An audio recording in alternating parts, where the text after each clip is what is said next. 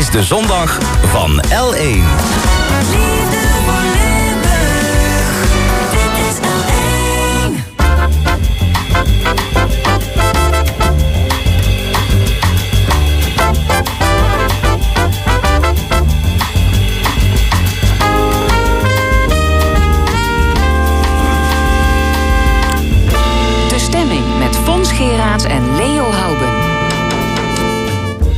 Welkom bij De Stemming, het interview- en discussieprogramma van L1 Radio. Vandaag met de volgende gasten.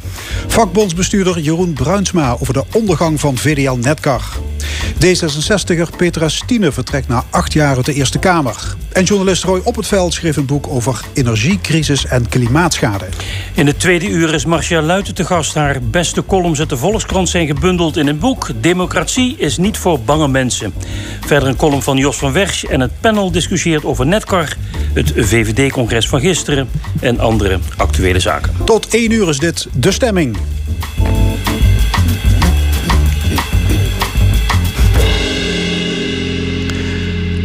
Wat blijft er over van VDL Netcar in Born?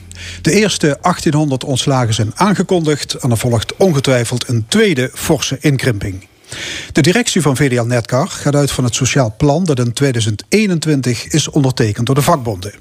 Ondertussen blijven de bonden stakingsdagen uitroepen in de hoop een verbeterd sociaal plan uit het vuur te slepen.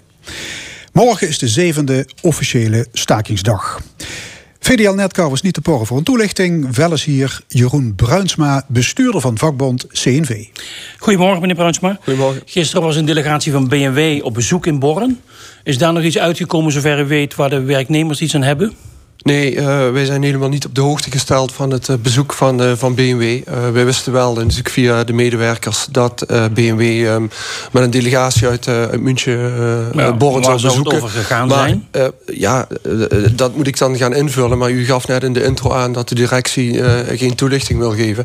Dus ik moet dan gissen en, en dan kom ik uit op, ja goed, zij zullen niet blij zijn met het proces waarin wij op dit moment zitten. Nee, en want dat er is achterstand, ja, er is achterstand in de planning van het maken van auto's. Precies, en er zijn natuurlijk zijn overeenkomst met, uh, met BMW gesloten. Uh, en goed, als die niet nagekomen wordt, dan staan daar ook boetes in die contracten. Dus ik neem ja. aan dat BMW daarover het gesprek heeft uh, gevoerd. Ja, ja, maar de directie van Netcar is natuurlijk ook niet gek.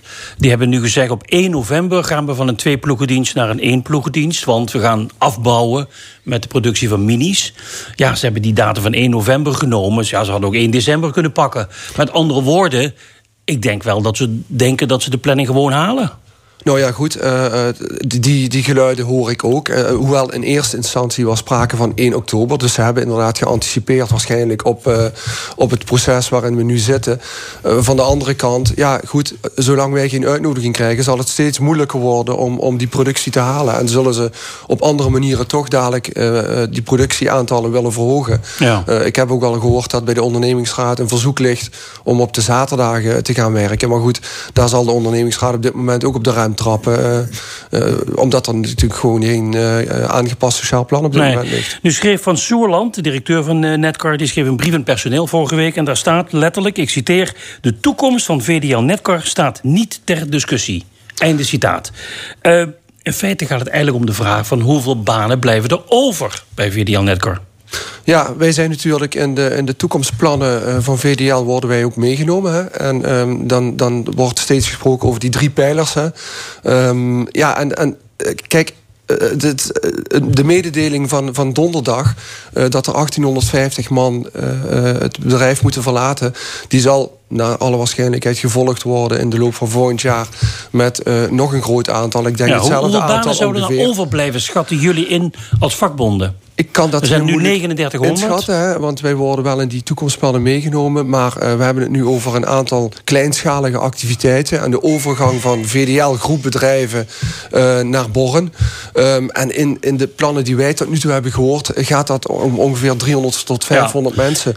Kijk, want dat doe je ook wel verkeerd. Uh, de, ze maken benzineauto's, minis, die op benzine rijden in, in, in Borren. In 2030 mogen in Nederland geen auto's met benzinemotoren meer verkocht worden. Dus Netcar zou sowieso in een transitie terechtkomen. Het wordt nu schoksgewijs eigenlijk naar voren gehaald, zou je kunnen zeggen. Ja, dat is natuurlijk, uh, die tendentie klopt natuurlijk. Uh, en, en daarom is Netcar ook heel lang in gesprek geweest met Rivian. Hè, uh, vanwege de productie Amerikaanse, van de Amerikaanse auto, auto's, ja. producent. om hier de auto's te gaan produceren voor de Europese markt. ja, dat waren elektrische auto's. Dus die, die, beweging zie je wel komen. En, en er zal iets moeten gebeuren op dat gebied. Ja, en, en VDL Netcar zal in die ontwikkelingen mee moeten. maar het echt assembleren van, van auto's, of dat nog ja toekomst is in Borren. Daar zetten wij wel onze nou ja, grootschalige autoproductie, dat kan je eigenlijk wel wegstrepen in Nederland. Uh, ja, dat is, is de verwachting. En, en die, die, die, die lijn is nu ook ingezet hè, met uh, de, de mededeling van donderdag. Het zal heel moeilijk zijn. Uh, de directie is daar al, al drie jaar geloof ik mee bezig om een nieuwe opdrachtgever ja, te vinden. Ja, je bent natuurlijk als Netcar vragende partij. In internationale bestuurskamers beslissen ze... laten we auto's maken in Born. Ja. Um, ja, je bent wel heel erg afhankelijk van, van een internationaal spel. Ja, en dan is Netcar toch eigenlijk maar een hele kleine speler, laten we eerlijk zijn. En je ziet ook dat uh, eh, eh, BMW nu ervoor heeft gekozen om die uitbreiding van die ploegen in twee vestigingen in Duitsland te doen. Zodat ze daar gewoon hun eigen productieaantallen kunnen maken. Diezelfde beweging zie je in Amerika. Uh, er komt steeds meer protectionisme bij kijken. En dat betekent dat landen ook naar hun eigen productie ja, kijken. Dus Amerikaanse autoproducenten hoeven hier ook niet te verwachten. Nou ja, op, op, op, dit moment inderdaad niet. of dat in de toekomst anders is, dat, dat weten wij niet. Nee, nee. Zeg, nou heeft de, hebben de vakbonden in 2021 een sociaal plan ondertekend. Toen wist u dat BMW zou vertrekken. En Netcar zegt nu, wij gaan mensen ontslaan... want ja, op basis van dat sociaal plan... Ja. Wij doen gewoon wat we hebben afgesproken. En 2000... wij gaan dat sociaal plan niet verbeteren. In 2021 hebben we inderdaad als vakbonden uh, dat sociale plan uh, ondertekend. Alleen, daar staan twee belangrijke zinnen in dat uh, sociaal plan. Uh, het uitgangspunt is dat uh, de, continuïteit van VDL Netcar is gewaarborgd. Nou, die is er. Ik heb net geciteerd. De directeur en het tweede zegt, we gaan door. Is, en het tweede punt is dat als die continuïteit niet is gewaarborgd... als er dan belangrijke arbeidsvoorwaardelijke gevolgen zijn voor het personeel... dan moet je opnieuw in gesprek gaan over de inhoud van het sociaal plan. Uh, wij zijn van mening, en we hebben ook verschillende brieven geschreven naar de directie, dat daar op dit moment sprake van is. Want ik noemde net al het aantal van 300 tot 500 mensen. Ik vind dat een redelijke ingreep in het eh, personeelsbestand. En je zult maar na 30, 40 jaar nu weg moeten. Uh, dat vind ik genoeg reden om dan aan, aan tafel te gaan. Dat is zo, maar is het ook voldoende reden voor de VDL-directie om te zeggen van oké, dan moeten we dat sociaal plan openbreken? Nou ja, Kijk, jullie zeggen als vakbonden ja, dat moeten jullie doen. De VDL-directie zei nee, daar is geen reden toe. Ze wisten toch de VDL dat BMW zou verdwijnen? Nee, de VDL-directie heeft niet nee gezegd... want we zijn al in onderhandeling geweest over een aanpassing van het sociaal plan. Dus, okay. uh, uh, dus het is iets beter als dat van 2021? Ja, maar VDL, Netcar heeft dus duidelijk ook onderkend... Uh, dat we opnieuw in gesprek moeten... anders zouden zij niet aan tafel ja. zijn gegaan. Maar wat is dan dus... nog het verschil tussen wat, wat, wat de vakbonden willen... en wat de VDL-directie wil? noem eens een bedrag in geld. Nee, ik ga, het lijkt me niet verstandig om waar, in het proces waar we nu in zitten... om dan via de media nu te gaan onderhandelen. Nee, je hoeft niet te onderhandelen ik vraag alleen nee, maar, ja, wat, wat, welk bedrag gaat het? Op dit moment zijn we niet in gesprek eh, met, uh, met VDL Netcar... en daarom zijn de, zijn de stakingen. Maar eerder heb ik gehoord, het gaat maar eigenlijk om 20 miljoen of zo. dat, dat komt aardig in de richting. U bent goed op de hoogte. Ja, maar de, de, de, waarom zou de VDL-directie dan die laatste 20 miljoen voor het sociaal plan... waarom zouden ze daar zo moeilijk over doen? Is dat gewoon koppigheid van een familiebedrijf? Ja, u vult het in. Ik, uh, ja, dat is een vraag. Uh, ja, dat snap ik. Maar u vraagt het aan iemand die, die op dit moment in gesprek ja, is. U kent ze beter dan ik, want, want ze komen hier nooit. Maar nou ja, u zit nu wel eens aan tafel met ik ze. Zit, ik zit vrij veel aan tafel met ze, inderdaad. Maar ja, ik, het is denk ik op dit moment inderdaad een prestige kwestie aan het worden. Want kijk, het staken is gewoon enorm duur, ook voor, voor de werkgever. wij hebben van onze kant gezegd, van, je kunt ons altijd bellen. Wij komen aan tafel. Alleen, er moet wel een maar goed, ze bellen maar niet. Want ze hebben nu bij de OR het verzoek ingediend... om van een twee-ploegendienst naar een één-ploegendienst te gaan per 1 november. Ja. En als daar ja tegen gezegd is, daar kun je bijna ook geen nee tegen zeggen. Want iedereen weet, er moeten minder auto's komen. Dus daar gaat de OR ja, daar moeten ze mee instemmen. Dat is hun wettelijk recht, gaan ze ook doen. En dan zegt Netcar vervolgens gaan we dan uh, het ontslagplan, uh, het massa-ontslag doorvoeren. En daar heeft de OR geen instemmingsrecht, maar alleen maar een advies. Dus ja. wat is nou die speelruimte voor die OR? Die gaan niks tegenhouden. Dat klopt wat u nu zegt. Die instemming die zal verleend gaan worden door de ondernemingsraad vanwege die teruggang naar, naar één ploeg. Alleen die adviesaanvraag, dat is nog wel een, een, een dingetje. Want uh, de ondernemingsraad zal zeggen: wij gaan alleen adviseren als er een goed gedegen sociaal plan ligt. En ja, zodra, zolang dat er niet ligt... Ik heb, hier een onder, met handtekeningen. Eh, ik kan u verzekeren, alle leden van de ondernemingsraad... Die, eh, die zijn ook lid van de vakbond... en die staan ook morgen weer uh, te staken. Dus die zullen ook aansturen om een aanpassing van het sociaal plan. Dus uh, zolang zij uh, niet zien dat er uh, nadere afspraken worden gemaakt over het sociaal plan, zullen zij niet adviseren over, over die afbouw van, van het personeel. Hm. Ja, goed, en dan kan ja. Conform de woord kan de uh, werkgever toch dat besluit doorvoeren. Ja, maar dan kom je in een ander traject Maar dan kom je in juridische procedures. Dat, dat houdt ook al Ik ga ervan uit dat wij er nog uitkomen. Maar, maar wat kan je nou bereiken met de stakingen? Dat is morgen weer een stakingsdag. Dat is de zevende officiële stakingsdag. We hebben nog twee wilde stakingsdagen gehad. Ja ja, eh, gaan ze net kapot staken? Wat, wat is eigenlijk. Nee, nee, wat kun je ermee bereiken? Dat is, dat is onze de boodschap is er wel helder. Absoluut niet. Uh, wij willen gewoon een duidelijk signaal afgeven. En een staking is voor ons het ultieme middel om een directie te bewegen om met ons mee te gaan. Ja, of maar in het is tot nu toe een, botmiddel gebleken. Ja, goed, met zoveel stakingsdagen en er gebeurt niks. Je ziet natuurlijk uh, in het hele land uh, dat er op dit moment enorm veel stakingen zijn. En dat is omdat ja, werkgevers niet zozeer mee willen in de eisen van de vakbonden. Maar je ziet ook dat het wel wat oplevert. kijk naar het openbaar vervoer, kijk naar distributiecentra van, van Albert Heijn. Mm Daar wordt door het staken wel uh, ja, maar daar gaat het over salarisverhoging. Ja, maar ja, goed. Hier gaat het over van wat krijg ik mee als ik gedwongen ontslagen word. Ja, en, en daarvan zeg ik ook van... Um, uh, want je kunt zeggen, er ligt een fatsoenlijk sociaal plan. Maar dat, uh, een fatsoenlijk sociaal plan baseert zich wat mij betreft op twee punten. En dat is de inhoud, maar ook de, de, de omstandigheden daaromheen. Kijk, een normaal sociaal plan in een situatie met een failliet bedrijf... daar zullen wij dit soort eisen ook niet op tafel leggen. Maar er zijn gewoon duidelijk afspraken met BMW gemaakt over de afbouw. Daar zijn financiën tegenover gesteld. En ja, goed, daar willen wij ja, aan de medewerkers iets van terugzien. BMW gaat natuurlijk niet over het sociaal plan. Zullen, BMW zal nooit gezegd hebben van je moet in het sociaal plan dit of dat. Dat ligt nu in het contract vast. En de ondernemingsraad, dat weet u ook, die, die zitten in een, een, een bijna een gerechtelijke procedure om inzicht te krijgen in die stukken. Want daar staat dus wel wat er is geregeld. En BMW heeft duidelijk gelden beschikbaar gesteld. Ook voor het personeel in verband met de eerdere ontbinding van dit contract. en daar willen wij dus aan de medewerkers iets van terugzien.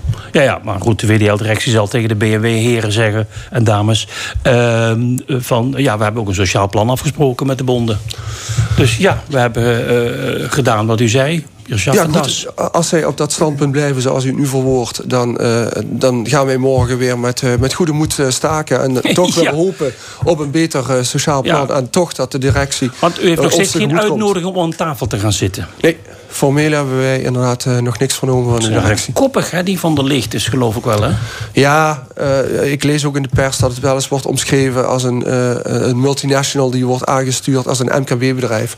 Ja, en daar lopen wij wel een beetje tegenaan. Ja, ja u wilt zeggen, van daar heeft de pers gelijk in. Uh, ik zou die woorden niet gebruiken, maar ik kan me in de gedachten erachter wel vinden. Zeg, bij arbeidsconflicten, hè, eh, zeker als ze lang duren, dan krijg je ook wel uiteindelijk gedoe op de werkvloer. Dat je daar splitsing krijgt. Mensen die zeggen, we houden eens op het zeuren. Ik, ik, ik kan morgen een nieuwe baan krijgen. Ik wil gebruik maken van een sociaal plan. Krijg nog 18.000 euro. En morgen begin ik ergens anders. Dat kan nu niet, omdat jullie niet akkoord gaan. Merkt u iets van die spanning op de werkvloer? Nee, twee dingen daarover. Um, je ziet gewoon heel erg, en dat is ook in de media verschenen... Uh, het is een VDL-netcar-familie. Uh, dat gaat van grootvader tot vader tot nu kinderen. Mm -hmm. En die betrokkenheid en, en uh, de trotse autobouwer, zoals ze het noemen, dat is er nog steeds. Dus die mensen voelen zich verantwoordelijk voor het product en zijn hartstikke trots op wat ze doen. En ten tweede, um, de stakingen, die zijn nu inderdaad, gaan, daar gaan we morgen de zevende dag in. En ja, dat, uh, we zien nog steeds dat de leden uh, die staken, dat dat toeneemt. Mhm. We schrijven veel nieuwe leden in. Ondanks het feit dat uh, VDL naar buiten brengt... dat de werkwillende uh, groep groter is dan de stakers. Dat ziet u niet? nee, dat, dat zien we duidelijk niet. En als dat wel zo zou zijn... dan zou er niet op die twee dagen in de vorige week... zou er geen productie zijn geleverd. dus kijk, het is een gevaar dat als het te lang gaat duren... want ik krijg ook signalen van leden die zeggen van... ja, ik kan het financieel gewoon niet bolwerken... Ja. met een stakingsuitkering. Dus dat, dat gevaar ligt op de loer. Maar daar merken we op dit moment uh, merken we daar nog niks van. Jeroen Bruinsma, bestuurder van CNV. Dank u wel voor uw komst. Dank u wel. Bruce Springsteen is bezig aan een wereldtournee. Volgende week zondag geeft hij met zijn E Street Band een concert op Megaland in Landgraaf. We kozen voor het titelnummer van een van zijn 21 albums. Ook nog toepasselijk na het netcargesprek. Born to Run.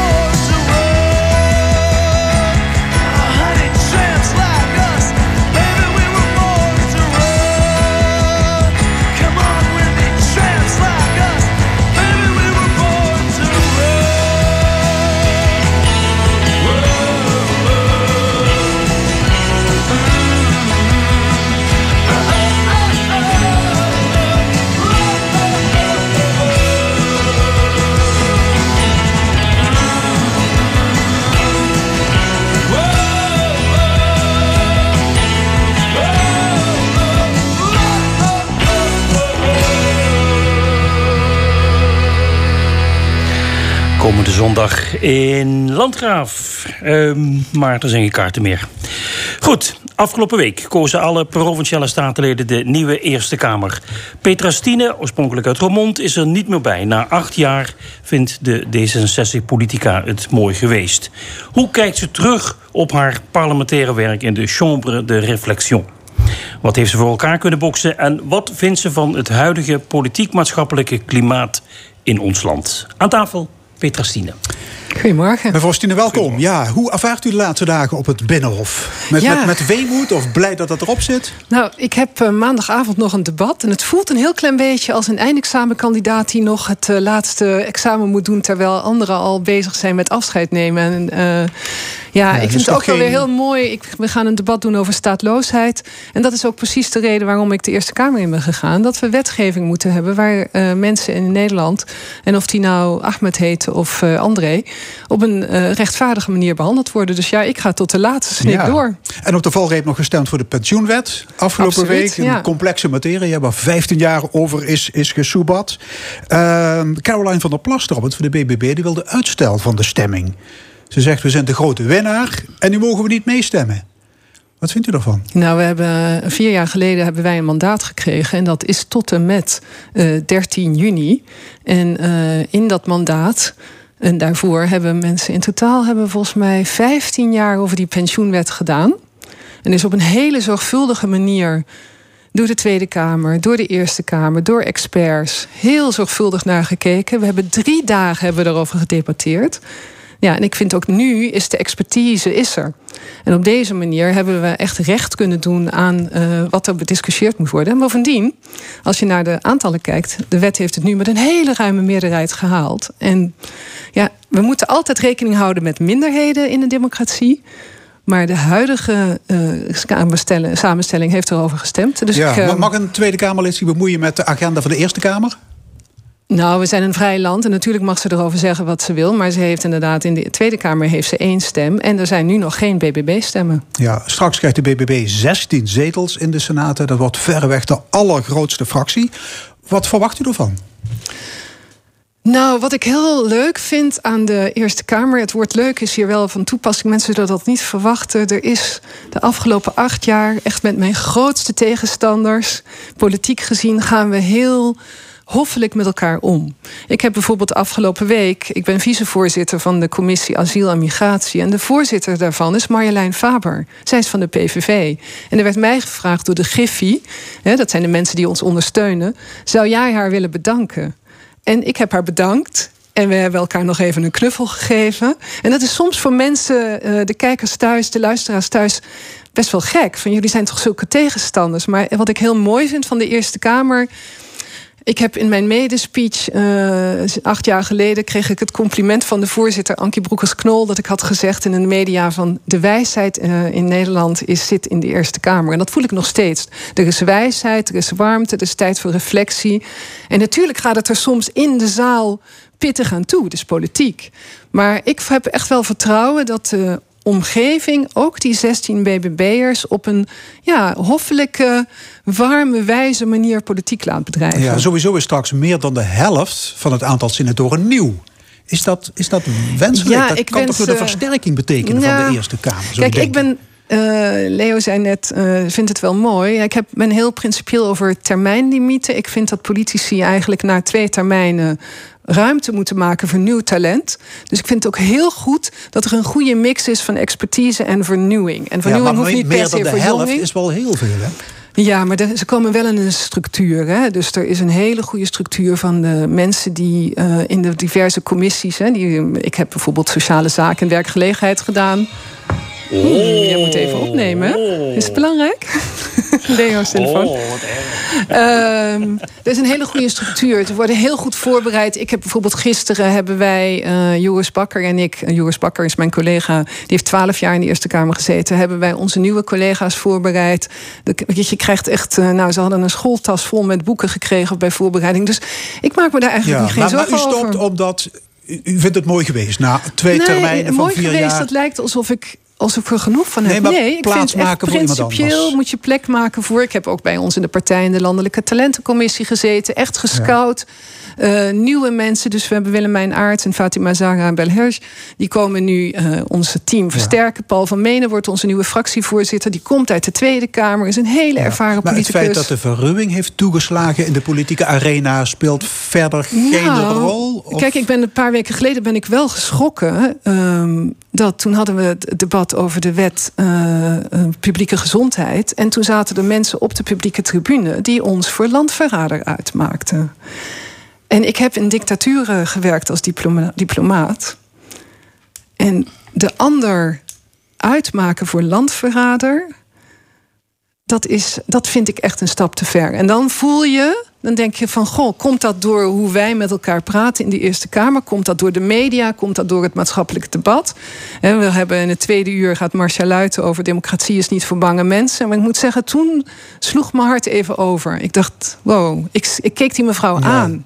En dat voelde heel intimiderend. En ja, daar maak ik me wel zorgen over. Ja, je hebt ook extremistische complotdenkers. Hè? Mensen die, die, die ja, politici en wetenschappers en journalisten demoniseren. Hun aantal stijgt, zegt de AIVD. Um, ja, wat, wat is dit voor land aan het worden? Nou, uh, oké. Okay. Ik, ik, ik, ik ga weer kijken op het zwarte, naar het zwarte puntje op de witte pagina. Daar moeten we natuurlijk naar kijken. Maar ik ga over een paar weken naar Libanon. Ik ben ook Midden-Oosten-expert. Buitenlandse uh, uh, uh, Eerste Kamer is een parttime functie. Dus ik doe daarnaast nog een heleboel andere dingen. Nee, maar goed, Libanon... in vergelijking met het buitenland valt het allemaal nou ja, mee in Nederland. Nee, maar dat zwarte plekje, dat wordt toch steeds groter, heb ik het idee. Ja, dat is, ik maak me daar zeker zorgen over. En tegelijkertijd geloof ik ook in de veerkracht van ons land. Geloof ik ook in onze democratische instituten. Geloof ik ook dat we, als we daar op een uh, menswaardige, respectvolle manier over blijven praten. En we moeten natuurlijk ook benoemen en begrenzen wat niet oké is. En dit soort gedrag naar politici, naar hulpverleners, de agressie. Ja, daar moet paal en perk aan worden gesteld. Ja, u heeft zich als uh, Kamerlid bezig gehouden met onder meer immigratie en asiel. Ziet u bij dit onderwerp ook een gebrek aan empathie en, en mededogen? Ik zie allebei. Ik zie, uh, ik, zie, ik zie heel veel tegelijkertijd. Ik zie Ter Apel Oh, je zal daar maar wonen. Je zult maar een winkel hebben in Ter Apel. En je hebt de hele tijd te maken met diefstal. En met, je zult die buschauffeur maar zijn die gewoon die rot jongens die zich afschuwelijk gedragen. Dat is verschrikkelijk. Tegelijkertijd, de mensen die daar aankomen, die vluchten voor oorlogsgeweld, die vluchten voor mensenrechten schendingen. En we hebben ook gezien, ik ben uh, vorig jaar, eind van het jaar, ben ik in Roermond op werkbezoek gegaan om te kijken van hoe worden nou de Oekraïense ontheemden opgevangen, hoe worden asielzoekers statushouders opgevangen. En dan zie je dat er bijvoorbeeld, hè, er was uh, volgens mij een, een pand van de, de, van de Limburger, uh, of de, Limburg, ja, de Limburgse krant, was een noodopvang geregeld. In het begin was er heel veel onrust van de buren. Zo van, wat komt hier nu? En toen is er gesprekken, gesprekken gevoerd. En op een gegeven moment werd het gewoon geaccepteerd. Dus de opvang van Oekraïners gaat volgens het boekje? Nee, maar, maar niet als het gaat over Syriërs en Somaliërs en Afghanen. Maar dan, dit, ging, dan... dit ging over asielzoekers en statushouders. Nu moet ik wel zeggen dat als wij met z'n drieën mogen kiezen waar wij een paar nachten willen slapen, dan willen we in de verblijven gaan slapen waar de Oekraïners worden opgevangen. Ja. En daarmee, en dat vind ik ook wel interessant, daarmee laten we dus ook zien als samenleving dat het kan. Het is niet makkelijk en het zal nog wel even duren. Die oorlog gaat door. Maar het kan. Je kunt op een menswaardige manier kun je mensen opvangen als je het goed plant. Als je lange termijn beslissingen durft te nemen. En, en dat vind ik dat we dat soms op lokaal niveau als politici, maar ook op nationaal niveau. We moeten mensen ook niet overvallen met we gaan ineens hmm. 200, 300 mensen bij jullie in het dorp zetten. Ja, maar er komen dit jaar 70.000 vluchtelingen bij. Volgens Henk dat, Kamp ja. is dat ieder jaar een stad ter grootte van Roermond. Maar u zegt, het is te doen. Nou ja, ik ben het eens oplossing. met Mirjam Bikker, die gisteren zei: het kan. Wij kunnen dit als land aan, hè, de ChristenUnie-voorvrouw. Uh, ik denk wel dat je het moet plannen. En uh, eigenlijk allerlei uh, organisaties, wetenschappelijk bureau voor regeringsbeleid, of Raad voor Regeringsbeleid, adviesraad migratie, ook allerlei hoogleraren. Vond, vaak worden hoogleraren aangehaald door mensen die complotten zien als het hen uitkomt. Maar ja, er zijn ook heel veel mensen die zeggen: het kan, maar je moet het wel goed plannen. En je moet mensen meenemen. En kijk, en ik ben het helemaal eens hè, met de mensen die zeggen die asielinstroom moet omlaag. Stel je voor, dat zou fantastisch zijn, want dan zouden er minder mensen moeten vluchten. Dan zouden er minder, zou er misschien minder klimaatcrisis. Maar ja, het, Op dit moment hebben we een oorlog in Oekraïne. Ik ben onlangs in Egypte geweest. Daar gaat het afschuwelijk slecht. Er zijn mensen die zijn bereid om alles te verkopen. Om misschien wel nieren te verkopen. Om weg te vluchten. Omdat die omstandigheden zo erg zijn. zolang wij niks. We moeten blijven werken aan waarom mensen vluchten. Maar ik denk dat de meeste mensen. Syriërs, Oekraïners die zouden dolgraag terug willen naar hun eigen land. En u zegt we kunnen dit aan als Nederland. We Nederland staat niet in brand. We, we kunnen het aan als we het samen doen. We moeten het goed uitleggen. We moeten op een langere termijn de IND, de COA, de asielopvang versterken. En we moeten ook gemeentes aanspreken die niets doen.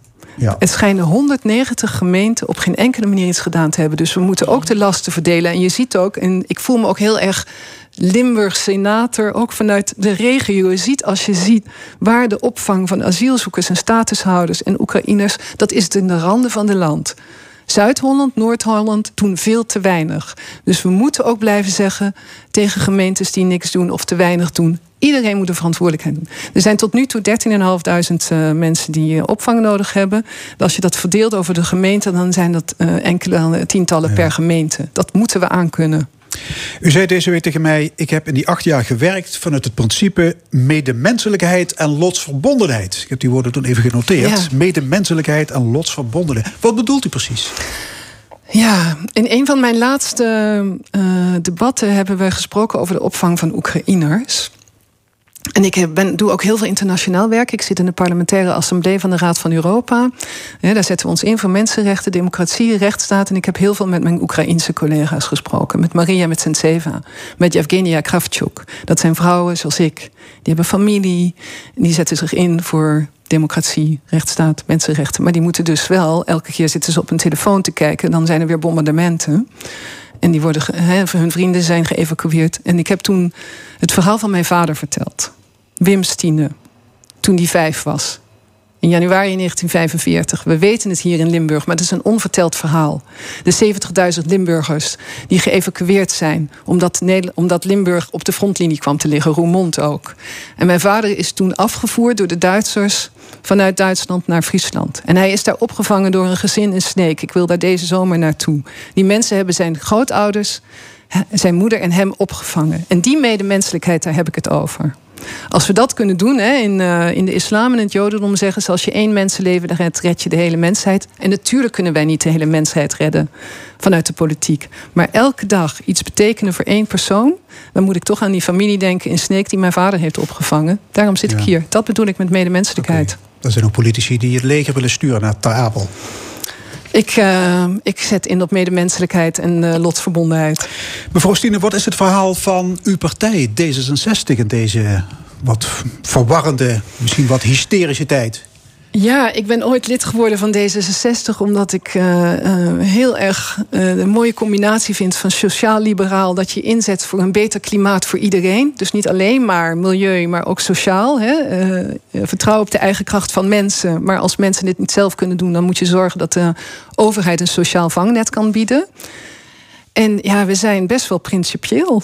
En we hebben afspraken zo, gemaakt. Zo principieel hoor de laatste tijd roepen. Ze zijn nou, ik kan te, dat, links aan het worden. Kijk, en... ik kan me dat eerlijk gezegd wel voorstellen. Dat soms mensen denken... Hè, uh, Rob Jette is het niet een klimaatdrammer. Maar ik ja. weet niet of u het boek kent. Uh, Wees een goede voorouder. Uh, ik denk over, als ik over 90 jaar nog op het verjaardagsfeestje... van mijn achter-achterkleinkind zou kunnen zijn... dan zou ik het heel fijn vinden als ze dan zouden zeggen... die, die oud-tante Petra... die heeft zich ingezet voor een omgeving, voor een klimaat... waarin wij nog kunnen ademhalen. Dus er staat wel wat op het spel. Nee, oké, okay, maar ondertussen doe je bij de provinciale coalitieonderhandelingen nergens mee. In alle provincies ja, jullie er ongeveer uit. Ja, dat is, daar ben ik ook heel verdrietig over. Ja. En uh, ja, ik vind het soms ook heel jammer dat mensen op, uh, op partijen stemmen die hoop bieden op achteruitgang, op blijven vasthouden van wat ooit was. We hadden het net over uh, Netcar. We kunnen geen benzine slurpende auto's meer produceren als we ook het klimaat willen achterlaten voor onze achterkleinkinderen. Dat kan niet meer. En dus hebben wij een boodschap die nu niet helemaal aanslaat. Dat is natuurlijk het lot van politici. Hè? Wil je meebewegen met wat nu op korte termijn heel veel winst brengt? Of wil je verantwoordelijkheid ja. nemen? En daar zit de spanning. Ik denk dat dat aan de hand is. Goed, dinsdag is uw laatste vergaderdag. Wat ja. gaat u doen met de tijd die vrijkomt? Met de 25 uur per week, het schijnt een parttime positie te zijn. Uh, nou, ik ben sowieso natuurlijk, uh, ga gewoon door met wat ik daarnaast altijd doe. Ik vind het heel leuk. Ik ben voorzitter van de Raad van Toezicht van Bonnefante hier uh, in Maastricht. Ik zit in de Raad van Commissarissen van Wonen Limburg. Dus ik zit, kom zeker heel veel terug naar Limburg. Ik ben bezig met een boek over um, nou, geweld en wat doet geweld met mannen. Waarom zijn mannen soms zo gewelddadig? Een roman. Ik ga door met. Een roman? ja, daarom ben ik ook helemaal aan het uitzoeken hoe mijn familiegeschiedenis uh, zit. Nou, daar krijg daar heel veel uh, inspiratie van. En ik uh, ga zeker een mooie internationale baan zoeken. Internationale baan, oké. Okay. Ik wou zeggen, er hebben 22 mensen gesolliciteerd op de baan van functie, of op de functie van burgemeester van Roermond. Waaronder vier vrouwen. Daar zit u, ja, niet, daar zit u niet tussen. Nou, ik hoop dat. Ik, ik, ik weet, ik, ik heb het gezien, het functieprofiel het was verleidelijk, maar ik hoop eigenlijk dat een mix van Karen Strauss, Suus Segers en Ria Omen. Dat zou wel een goede mix zijn. Maar bestaat die persoon? Ik ben heel benieuwd naar. Ja, bestaat die persoon? Ja. Petra Stine, hartelijk dank. Graag gedaan. Zometeen Roy op het veld. Hij schreef een boek over de energiecrisis, over onze energiehonger, de noodzakelijke transitie en de macht van de grote olieconcerns. Maar eerst de Buena Vista Social Club.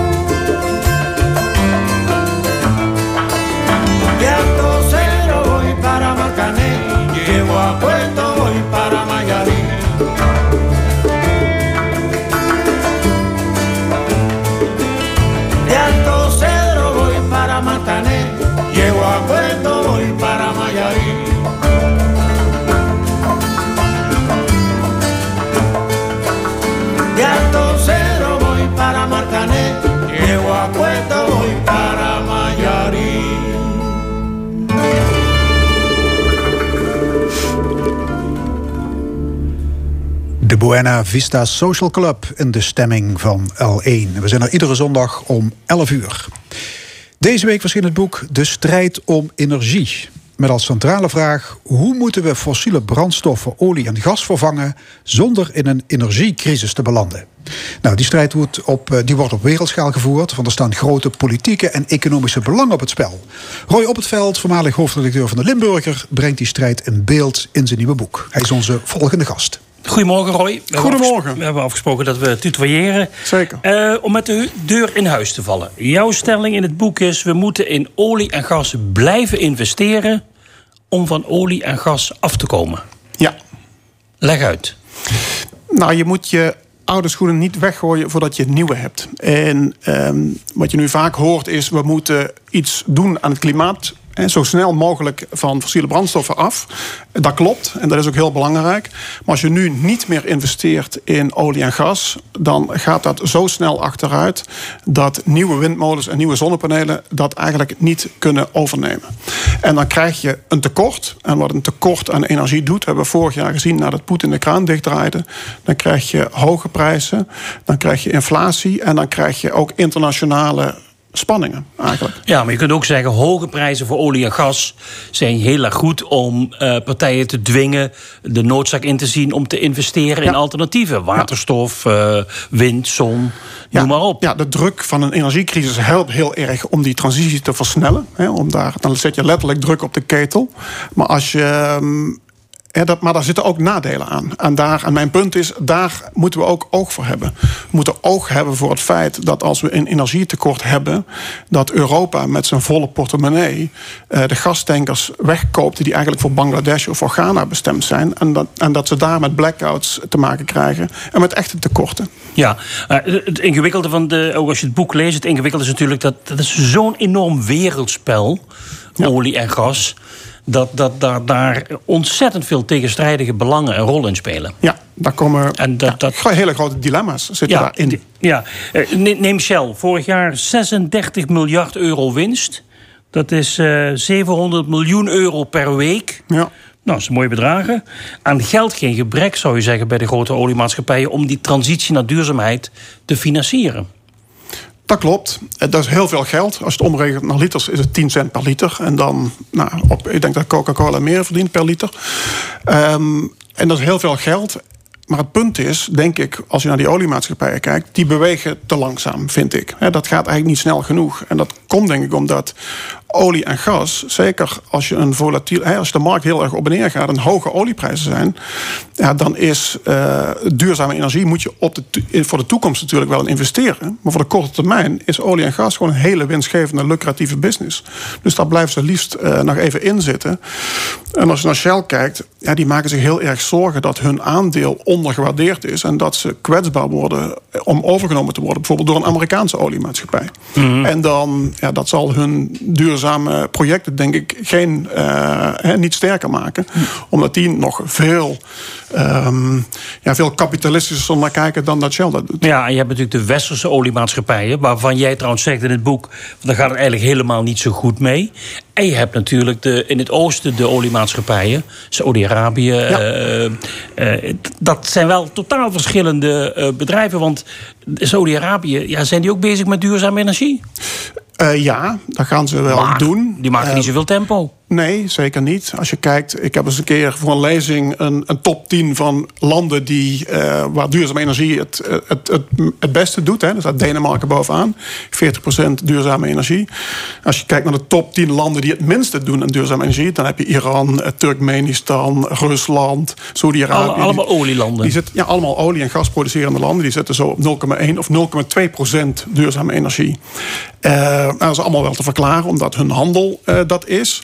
Maar op termijn moeten die landen natuurlijk wel allemaal mee als we dat verdrag van Parijs willen uitvoeren en tot het succes willen maken. En dat is nog wel een heel groot vraagteken wanneer en hoe dat gaat gebeuren.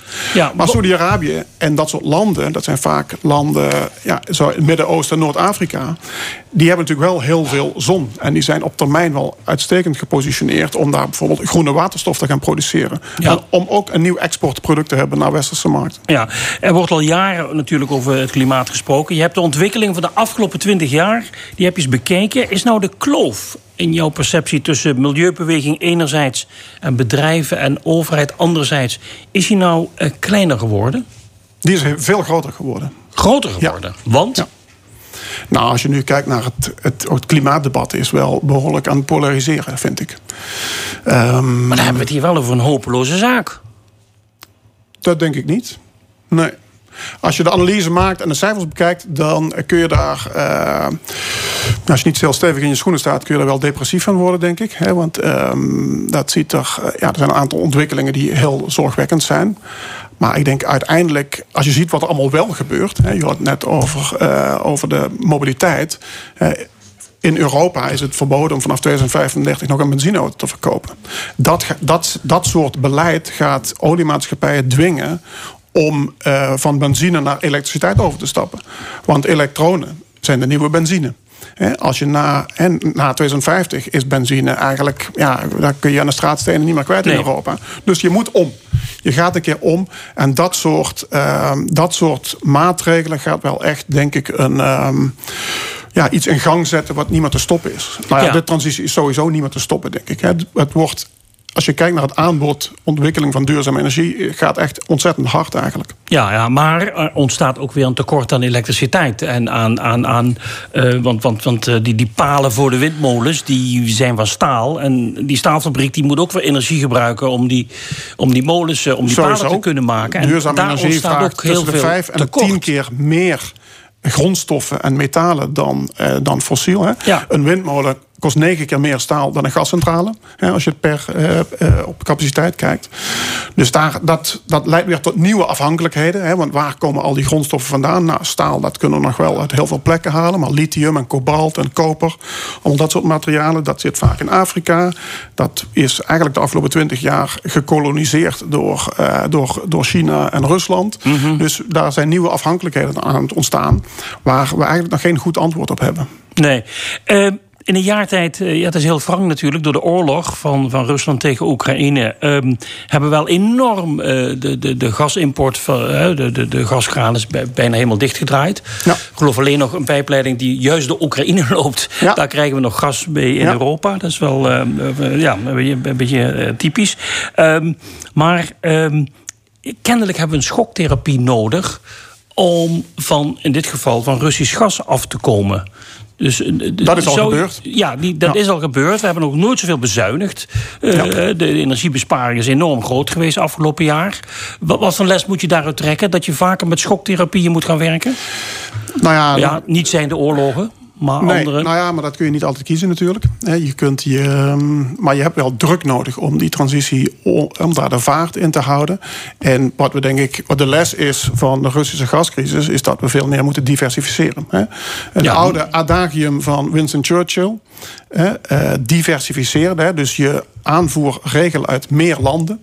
Eigenlijk zorgen dat hè, wat, wat de grootste leverancier levert, moet je bij een crisis altijd van andere plekken vandaan kunnen halen. En die les die Winston Churchill eigenlijk voor de Eerste Wereldoorlog al heeft getrokken, ehm, die zijn we in Europa natuurlijk als het gaat om onze gastoevoer volledig vergeten. Ja, ja, want Churchill die liet eh, boten die op kolen, eh, met Churchill kolen heeft- werden aangedreven. Churchill heeft de marine olie. overgezet van steenkool naar stookolie. en die toen was de vraag in Engeland... waar halen we in godsnaam die olie vandaan? Want toen Engeland had geen eigen Ja. olieproductie in die tijd. De Noordzee was nog geen Dus het moest uit het Midden-Oosten komen. En dus die hebben BP, het huidige BP, genationaliseerd. En die hebben een deal gesloten met Shell.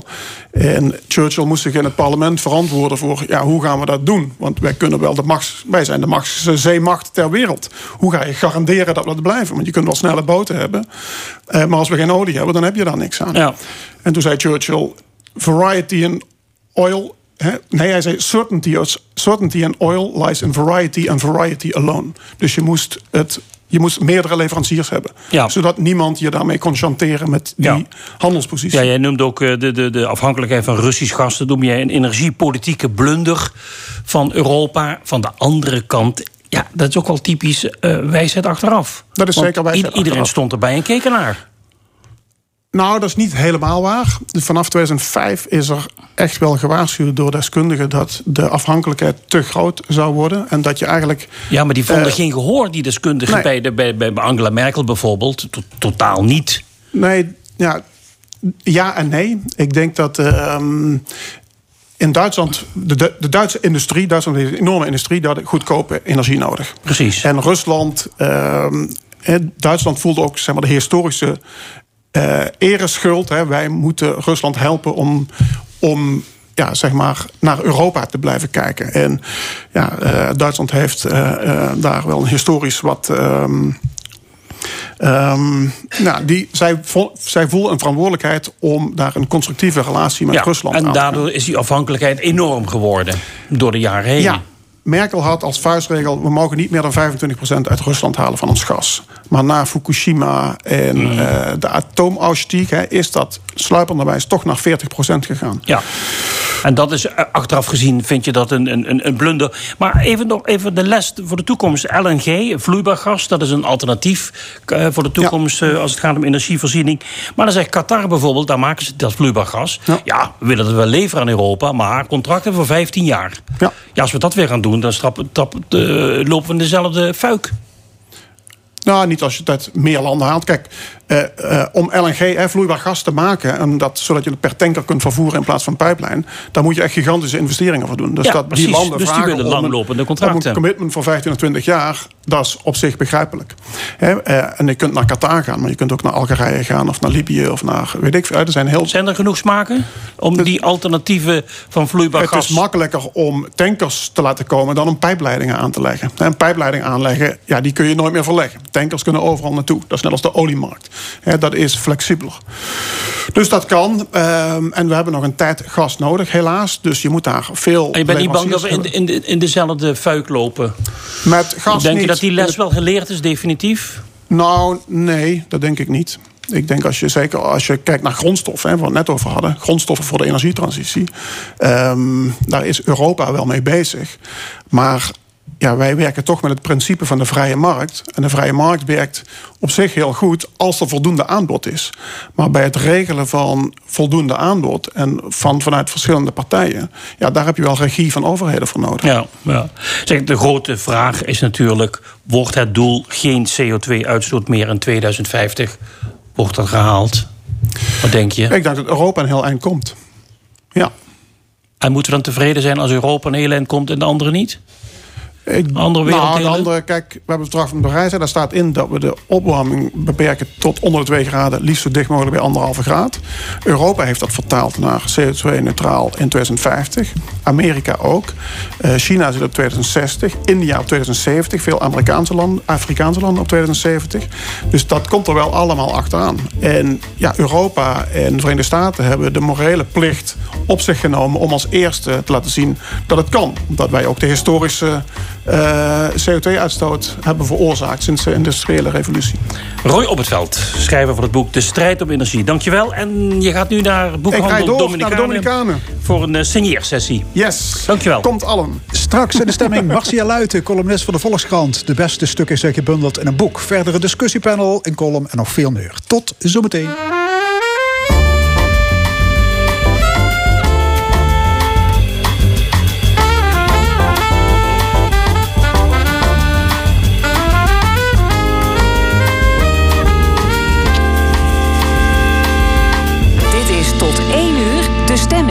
Fons Geraerts en Leo Houden.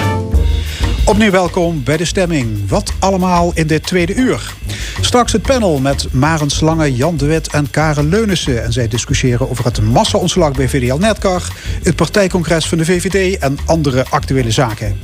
Een column van Jos van Wersch over het Sterrenbos. Maar eerst het wereldbeeld van Marcia Luiten. Zij is zo'n drie jaar columnist voor de Volkskrant. Iedere week op dinsdag linksboven op pagina 2. Geen uh, licht verteerbare stukjes over persoonlijke belevenissen of ergernissen... maar doorvrochte opinies over de boze buitenwereld. Terugkerende onderwerpen zijn klimaat, politiek, corona, globalisering en internationale ontwikkelingen. De beste stukken zijn nu gebundeld in een boek Democratie is niet voor bange mensen. Bij ons schrijver, journalist, presentator Marcia Luiten. Marcia, welkom. Dankjewel. Zo'n vaste column in de krant, is dat lekker om te hebben?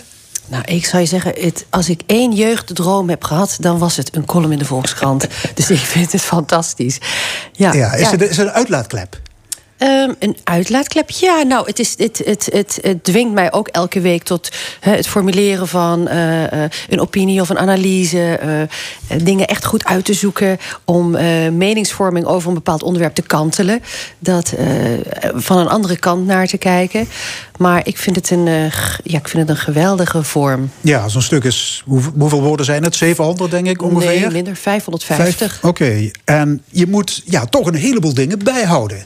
Ja. Le- Lees je ook veel meer kranten en weekbladen dan vroeger? Eh, ja, die, al die antennes die allemaal uit moeten staan, eh, dat is waar. Ehm, nou ja, ik zou zeggen, in de jaren dat ik Buitenhof eh, presenteerde... was dat misschien nog erger. Want hier kan ik ook wel eens een persoonlijke... toch iets persoonlijks gebruiken... en daar een analyse aan vastkoppelen. Maar ja, je moet gewoon veel lezen, veel kijken, veel luisteren. Ook met veel mensen praten, weet je. Ik pik ook gewoon mooie ideeën op... eh, bij mensen die ik tegenkom. Ja, en dan is het de kunst om daar een mooie, coherente visie van te bakken. In 550 Met een, met woorden. een originele invalshoek, met kop en staart. ja, het is elke week wel eindexamen doen. Maar ik vind het een heel lekker eindexamen. Ja. Heb je columnisten en eh, commentatoren in binnen- en buitenland die je bewondert? Ja, zeker. Er zijn geweldige eh, columnisten. En het grappige is dat toen ik de krant begon te lezen, zo op mijn veertiende, dan eh, gaf mijn vader mij de Zaterdag Volkskrant. En dan zei hij: Hier, dit moet jij lezen. Dan eh eh, hinkstap sprong ik door die krant langs de columns. En eh, ik was toen echt fan. Ik was ook denk ik wel verliefd op Stefan Sanders. En ik was enorm fan van Marcel van Dam. Want ik, dus daar een enorme bewondering voor columnisten heb ik altijd gehad. Ik, heb ik altijd heel erg de columns van Bas Heijnen gelezen. Die ik altijd heel ehm, verhelderend, vernieuwend, intelligent vond. Nou ja, en dan heb je internationale columnisten. Hè. Ik, ik, ik, ik ga ook door die New York Times of door The Guardian. En, en scan dan op interessante columns. Dus ja. Ja, jouw stu- stukken gaan vaak over onderwerpen die ertoe doen, hè? Op het snijvlak van economie en politiek.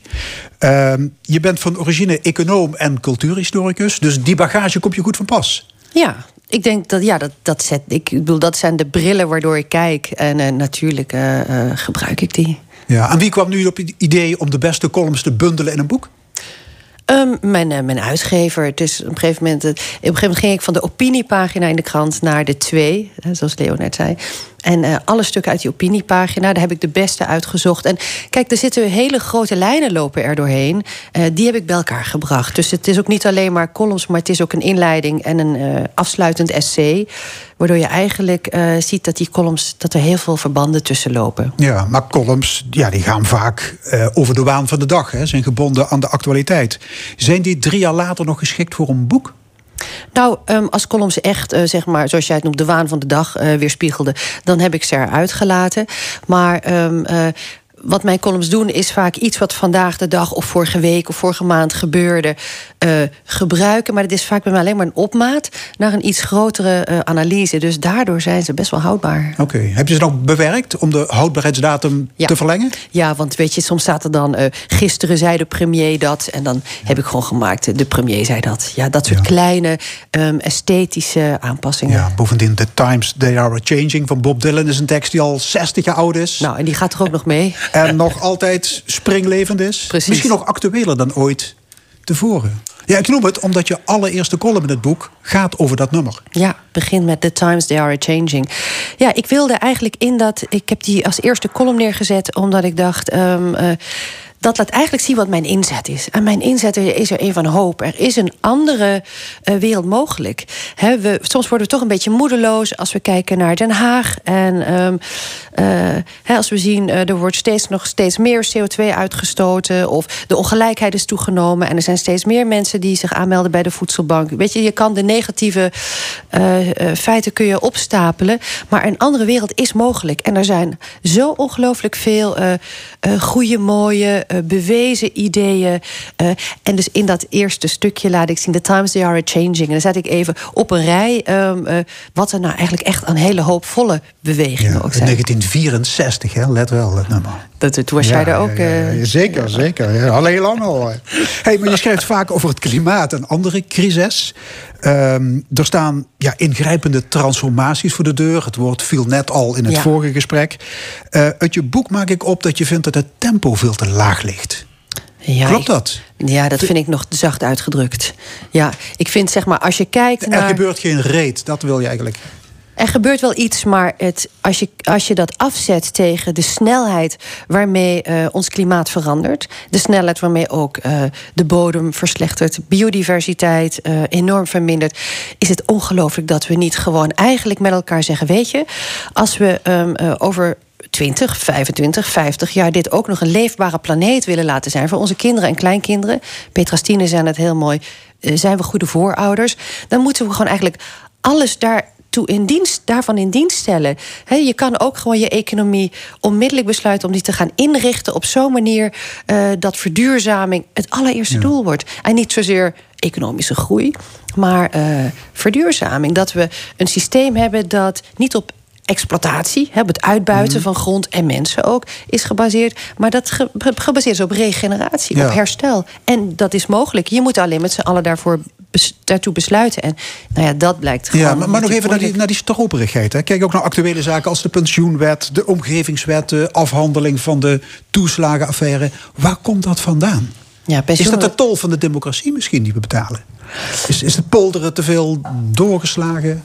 Ja, ja, mijn bundel heet ook niet voor niets. Democratie is niet voor bange mensen. En uh, die stroperigheid, daar is eigenlijk, vond dus heel erg veel over te zeggen. Dus we hebben beperkte tijd. Dus laat ik een paar dingetjes noemen. Eén um, is bijvoorbeeld sociale media. Die hebben onze democratie echt met een zwaar handicap opgezadeld. Feiten zijn meningen geworden. He, um, wetenschap en onafhankelijke media worden intussen uh, door mensen die, die daar uh, garen bij spinnen worden um, verkocht als, als meningen. Nou, daardoor, um, uh, als je op sociale media je beweegt, je zit op Facebook, nou, hoeveel mensen uh, halen daar hun informatie vandaan? Je bent in één afslag, ga je op een snelweg richting de complottheorieën, het wantrouwen, wantrouwen jegens de overheid, wantrouwen jegens elite. Um, uh, dat is ongelooflijk uh, hinderlijk en gevaarlijk, zelfs voor de democratie. Um, nou ja, er zijn veel meer dingen uh, waar we vaak niet over durven praten, maar wat echt een handicap voor onze democratie is, gewoon in ieder voor een duurzame toekomst, is toch ook democratie.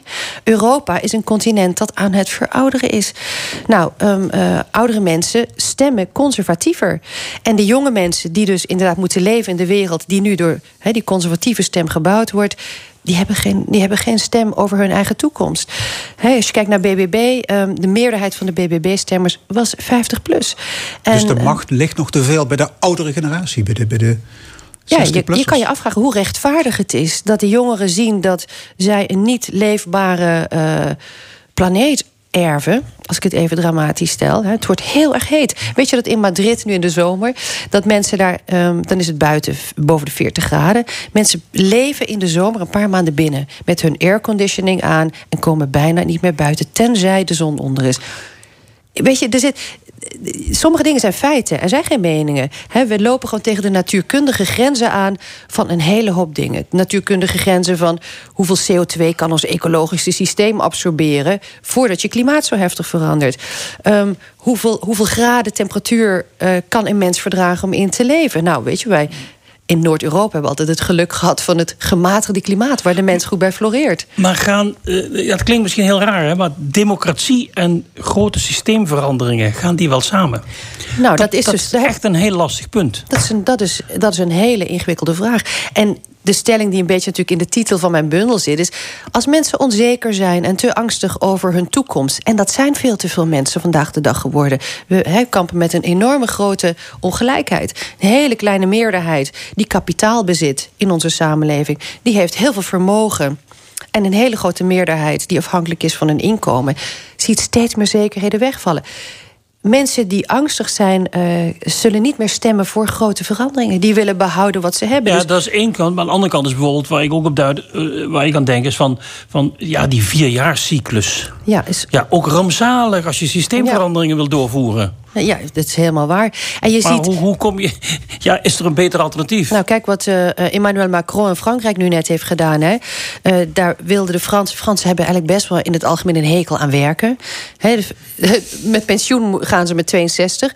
Macron zijn naar 64. Hij is nog steeds drie jaar eerder dan wij met pensioen gaan. Um, uh, Macron kreeg daar geen meerderheid voor en heeft dat eigenlijk redelijk autocratisch doorgedrukt. Ja. Dus om grote veranderingen in gang te zetten, moet je al bijna uh, je herverkiezing op het spel zetten.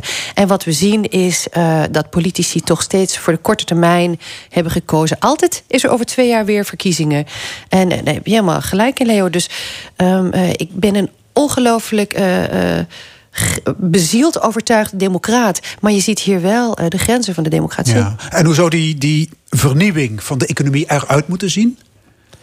Zouden we moeten beginnen met het stoppen van de zogenoemde globalisering? Ik kwam namelijk een interessante zin Ja, tegen in je boek. die- Op een exotische markt in Wuhan wordt een schubdier verkocht. En twee maanden later is nergens ter wereld een mondkapje te krijgen. Wat Ja. bedoel je met die zin? Ehm, dat we misschien, eh, maar dat is iets anders dan de democratie, maar dat de globalisering, eh, ik denk dat we moeten concluderen dat die te ver is doorgeschoten.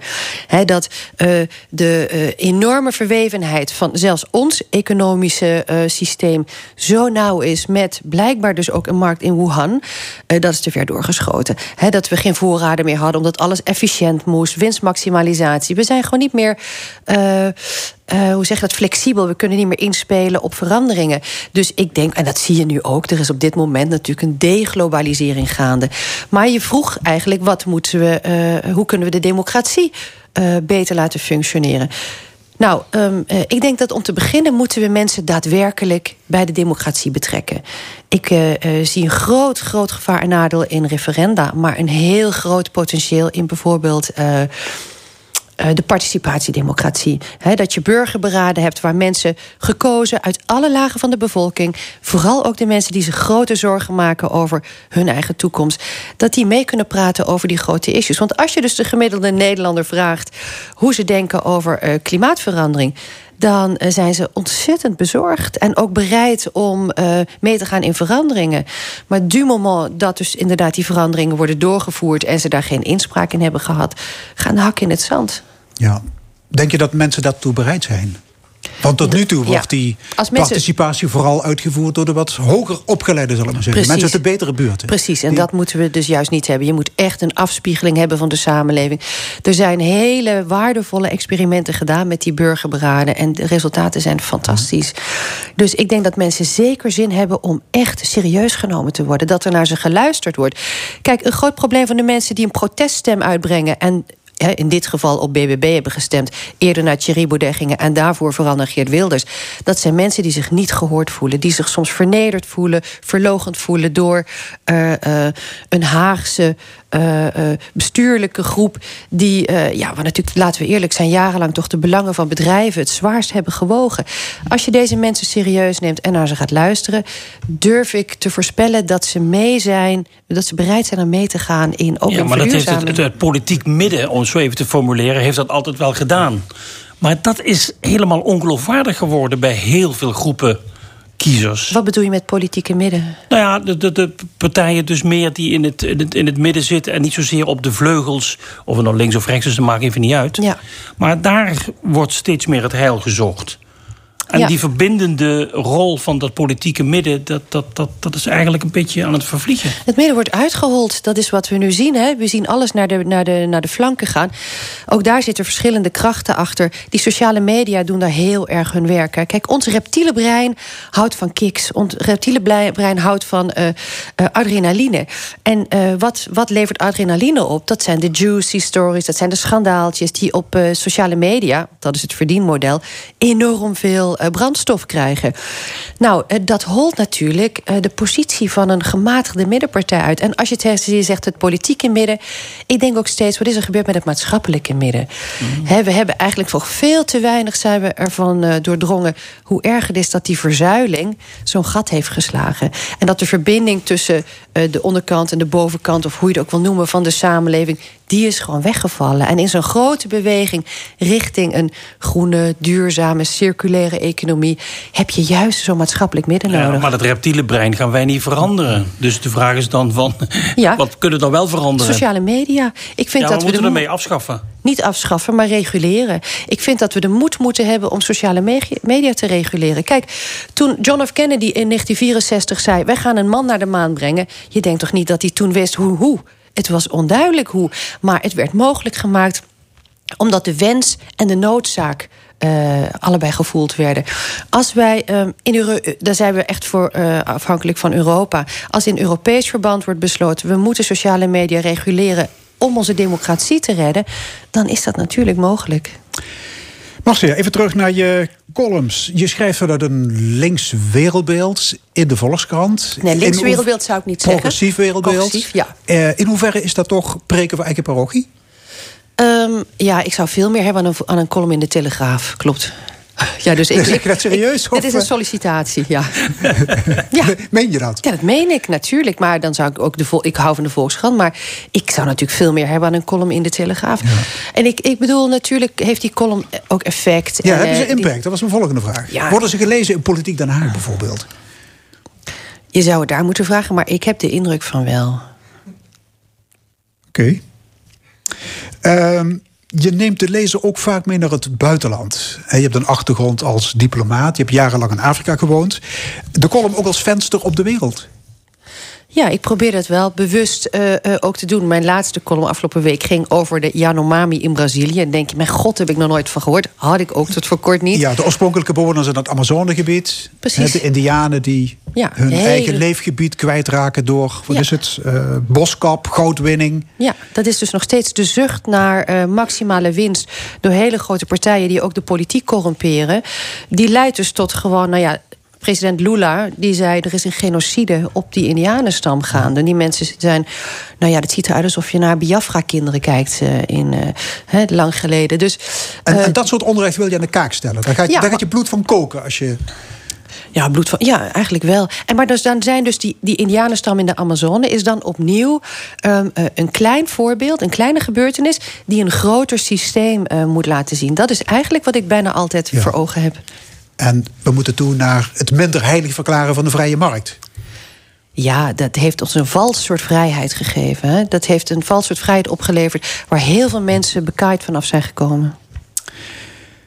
Marcia Luiten, hartelijk dank. Het boek Democratie is niet voor bange mensen... ligt in de winkel vanaf 15 juni.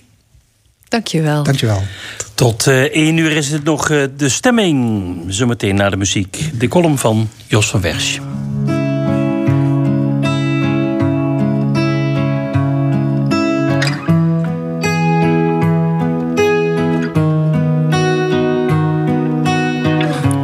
Per la mia città ed il vento soffia forte. Mi sono lasciato tutto indietro, il sole all'orizzonte. Vedo le case da lontano, non chiuso le porte. Ma per fortuna la sua mano e le sue guance rosse. Le mi ha raccolto da per terra, coperto di spine. Coi morsi di mille serpenti, fermo per le spire. Non ha ascoltato quei bastardi e il loro maledire. Con uno sguardo mi ha convinto a prendere e partire. Che questo è un viaggio che nessuno prima d'ora ha fatto. Lì c'è le sue meraviglie, il cappellaio matto. Cammineremo per sta strada e non sarò mai stanco. Fino a che il tempo porterà sui tuoi capelli il bianco. Che mi è rimasto un foglio in mano e mezza sigaretta. Restiamo un po' di tempo ancora, tanto non c'è fretta. Che c'ho una frase scritta in testa ma non l'ho mai detta.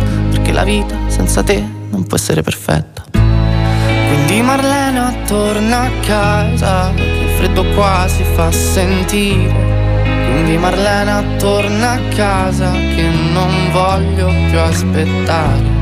Quindi Marlena torna a casa, il freddo qua si fa sentire. Quindi Marlena torna a casa che ho paura di sparire cielo piano piano qua diventa trasparente. Il sole illumina le debolezze della gente. Una lacrima salata bagna la mia guancia Mentre lei con la mano mi accarezza in viso dolcemente. Col sangue sulle mani scalerò tutte le vette. Voglio arrivare dove l'occhio umano si interrompe Per imparare a perdonare angeli a volte hanno paura della morte Che mi è rimasto un foglio in mano e mezza sigaretta Corriamo via da chi c'ha troppa sete di vendetta da questa terra ferma perché ormai la sento stretta. Ieri ero quiete perché oggi sarò la tempesta. Quindi Marlena torna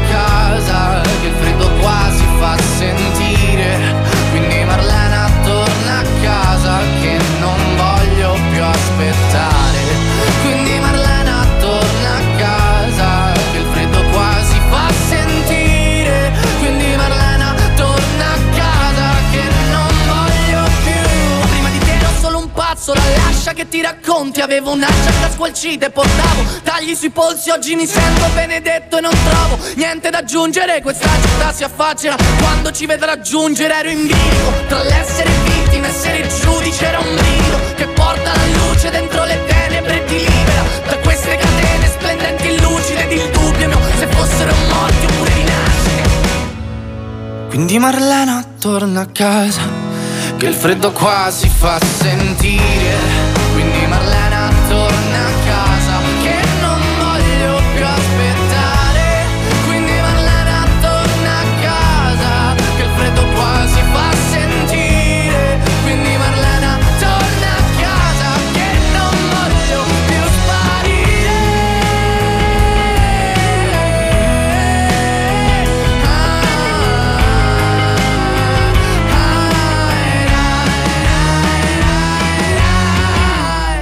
Quindi Marlena torna a casa Che freddo qua si fa sentire Quindi Marlena torna a casa Che ho paura di sparire De column.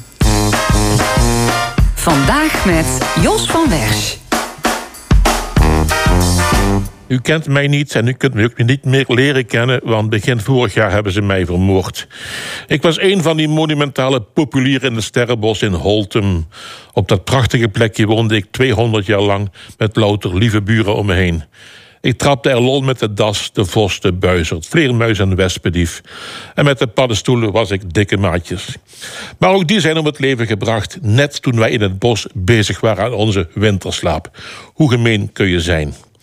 Ik was best een beetje jaloers op mijn vrienden iets verderop. Die hadden vorig jaar de mazzel dat ze mochten blijven staan... omdat er vlakbij een nest werd aangetroffen met eieren van een beschermde uil. Voor mij gold dat niet, ik moest plat. Wij bomen zijn geen watjes, we vragen weinig, maar geven veel. Zonder vakbonden overleven wij alle weersextremen. We laten zelfs pitbulls tegen ons aanzeiken... die van hun baasjes los mogen lopen in het bos. Voordat ik zelf met wortel en tak werd uitgeroeid... zag ik vanuit de kruin maandenlang allerlei schimmige figuren in de vechten... onder wie politici, fantasten en andere gelukzoekers met dubbele agenda's. Plus een miljardair uit Eindhoven... die knipoogend een cheque uitschreef ter waarde van 2 miljoen zilverlingen. Van dat geld mochten de natuuractivisten flinterdunne takjes stekken... onder het mom van natuurcompensatie. Die dag kraaide een haan, niet één, maar driemaal. Want wij, de bewoners van het Sterrenbos waren drievoudig verlokend en verraden. Terwijl wij in de hele wereld geloofd en geprezen worden als cruciaal instrument tegen de aanstormende klimaatcatastrofen, moesten we in Limburg patsboom tegen de vlakte. En ook nog voor de katsen viool, zoals nu blijkt. Wij bomen zijn overlevers. Op het World Wood Web staat een waar gebeurd verhaal over de stronk van een enorme beuk die honderden jaren eerder was gekapt en nog steeds in leven bleek te zijn. Maar tegen de rukzichtloze kapwoede en kettingzagen uit Eindhoven hadden zelfs wij, de bomen van het Sterrenbos, geen verweer. Maar zie, als de nood het hoogst is, is de redding nabij. De BBB van Caroline wil van VDL Netcar een wapenfabriek maken voor bommen, Brownings en bazookas. Een idee dat alvast uitstekend is gevallen bij de schatjes van Farmers Defence Force. Gelukkig hoef ik die ellende niet meer mee te maken. Het is al erg genoeg dat ik vanuit de bomenhemel binnenkort neerkijk op één grote leegte na van der leegte. De column, beter gezegd de beuk van Jos van Wersch. Laatste onderdeel van de stemming is het discussiepanel. Vandaag over VDL Netcar, het VVD-congres van gisteren en de pensioenwet. Ik heet van harte welkom Marens Langen, fractievoorzitter van de PvdA Maastricht. Jan de Wit, ex-Kamerlid voor de SP. En Karen Leunissen, voormalig voorzitter van het CDA Limburg. Goedemorgen. Uh, maar uh, om te beginnen met Netcar. Uh, morgen, maandag, uh, de, de uh, achtste, wat is het, negende stakingsdag. Ehm, levert dat wat op, denk je, dat blijven staken? Nou, ik vind dit een dossier, en, beter dan Jos had ik het misschien wel niet kunnen zeggen... dat eigenlijk op dit moment alleen maar verliezers kent. Dan heb je het over de natuur, dan heb je het over de werknemers... maar je hebt het eigenlijk ook een beetje over de politiek. Want we hebben onszelf wel echt behoorlijk ongeloofwaardig gemaakt in dit dossier. En, um, in welke zin? Nou, um, op het moment dat je besluit, en natuurlijk is daar heel veel discussie over geweest, en natuurlijk waren er ook veel tegenstanders die zich hebben laten horen om dat sterrenbos te kappen. Ehm, terwijl er nog geen enkele garantie was van gebruik van dat gebied waarvoor je die bomen kapte, dan vind ik wel dat je je heel erg achter de oren mag krabben op dit moment van ja, wat, wat zijn we nou eigenlijk met elkaar aan het doen? We hebben een mond vol van klimaatverandering. Van allerlei dingen die burgers op, op allerlei niveaus moeten veranderen. Hè, om, ons, uh, om ons klimaat te verbeteren en om daaraan mee te doen. En dat vragen we ook van burgers. En soms is dat best wel veel. Hè, dat zei Marcia ook terecht net. En dan doen wij dit. En dan snap ik best wel dat mensen wakker worden en denken: ja, die politiek, jongens, houd toch op. En die grote bedrijven, jongens, houd toch op. Dus ik vind het best een, uh, een dossier waarvan ik denk: oh, wat een boel verliezers. En dan om terug te komen op jouw vraag of dat staken dan nog zin heeft. Ik vind dat je altijd um, het recht om te, om te staken, om te demonstreren, um, is voor mij heel heilig. Ja, okay, en het heeft dat, ook dat altijd. Het, maar het moet ook Nee, wel het- een, een, een effect kunnen hebben. Nou ja, misschien dat het nog eh, effect kan hebben in de manier waarop deze mensen eh, gecompenseerd worden voor het feit dat Ja. ze hun baan verliezen, hun inkomen. En voor heel veel mensen gewoon hun hele werkende leven. Want er zijn een aantal dingen onduidelijk nog steeds. Jan de Wit. Ehm, als, je, als je goed kijkt, eh, ik vind het nog steeds jammer, heb ik ook al eerder gezegd, dat ze niet al veel eerder eh, actie zijn gaan voeren eh, over, de, de, de, zeg maar over het punt van het behoud van werk daar.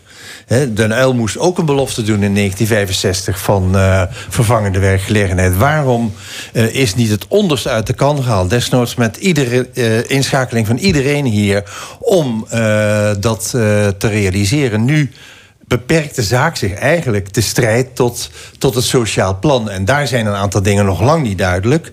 Bijvoorbeeld, ik, ik heb de bijdrage van uh, Bruinsma gehoord. Mensen die bijvoorbeeld eh, vandaag besluiten... toedeloe, ik ga eh, een andere baan... krijgen die wel of geen sociale... een uitkering uit dat Nou ja, als, de, sociale als de. OR ja heeft gezegd tegen Ja. het sociaal plan, krijgen ze gewoon die uitkering. Nou ja, dat is dus, wat ik begrijp, nog steeds een vraag. Nee, ja, dat ligt bij de Mensen OR die een tijdelijke, tijdelijke baan hebben die morgen afloopt... wat gebeurt daarmee als, de, als, de, als de fabriek nog Mhm. Maar niet helpt blijven staken, denk je? Hè? Ik denk het kan wel. Je daar iets, wat in wat deze kun je daarmee bereiken? In deze, deze, deze mensen die barsten van het geld. Ze hebben 300 miljoen uit Netcar overgeheveld naar VDL. Eh, dus laat ze niet beginnen met, eh, met geld. Er is genoeg geld. En er moet geld gemaakt worden desnoods... om die mensen een behoorlijk sociaal plan eh, te bieden. En daar zit het nog steeds op vast. En ik denk dat het dus terecht is om daar de druk op te voeren. Ja, Karel Leunissen? Nou, ik kijk er toch op een iets andere manier tegenaan. Ik denk dat, het, eh, dat staken een achterhoedegevecht is op dit moment. Eh, het bedrijf gaat eh, ten onder, dat is duidelijk nu. Hè? Althans, de grootschalige autoproductie. De grootschalige De- de- auto, de, de motor van Zuid-Limburg, zoals die al eerder omschreven is, dat gaat gewoon ten onder. En wat moet je dan doen? Nou, je moet die mensen een goed sociaal plan geven, die afvloeien. Dat sociaal plan, ja, dan moet je niet proberen het onderste uit de kant te halen, want dan krijg je de deksel op je neus. En dat gevaar dreigt. En dan zijn die arme werknemers van dat bedrijf... die zijn nog slechter uit dan dat ze nu eh, kunnen vertrekken met een bepaalde som. Ja, maar kijk, de Netcar-directie zegt... En de van- Netcar-directie die moet zich voorbereiden op een doorstart. En die doorstart die komt eraan. Ik heb in de NRC een stuk gelezen van een econoom die zegt... als de Amerikanen eh, bedreigd worden door de importheffingen van de Eu- Europa... dan zullen ze hun autofabrieken naar Europa verplaatsen. En dan moet Netcar weer vooraan staan met de hulp van de regering. Want Van der Leegte is ook gekomen met de hulp en de inspanningen van Maxime Vragen... als minister van, weet ik Even de vergelijking met het bos. Hè. De, de, de, de, de, de provincie.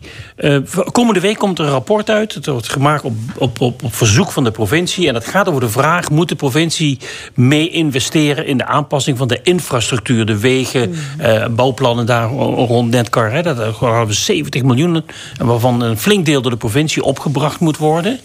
Ehm, als het eh, eh, rapport nou, eh, wat het rapport ook zegt, kan de provincie het maken op dit moment om te zeggen van ja, wij gaan weer geld stoppen in die infrastructuur rond, eh rond Netcar? Maar Verlangen? Nee, wat mij betreft niet.